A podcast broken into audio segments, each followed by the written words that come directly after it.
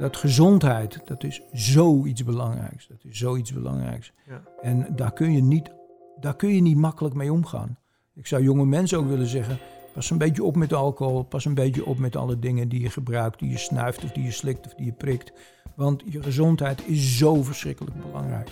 Die zei van ja, Erno, ik ga gewoon sparen voor mijn kinderen.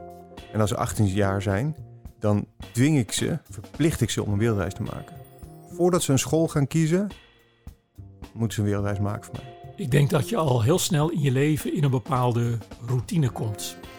In een bepaald stramien.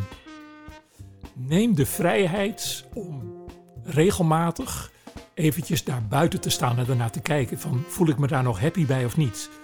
En als je er happy bij voelt, vooral lekker doorgaan. En is er maar één klein dingetje waarvan je denkt van ik voel me er niet happy bij, verander het. Dit is Tijdwijzer. We denken het allemaal te weten, hè? Hoe het werkt in dit leven. Maar één ding is zeker: pas op latere leeftijd, vol met ervaringen, weet je wat pas echt belangrijk is.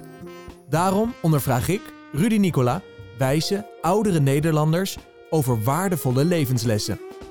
Waar maken we ons nu druk om en is totaal niet relevant op lange termijn?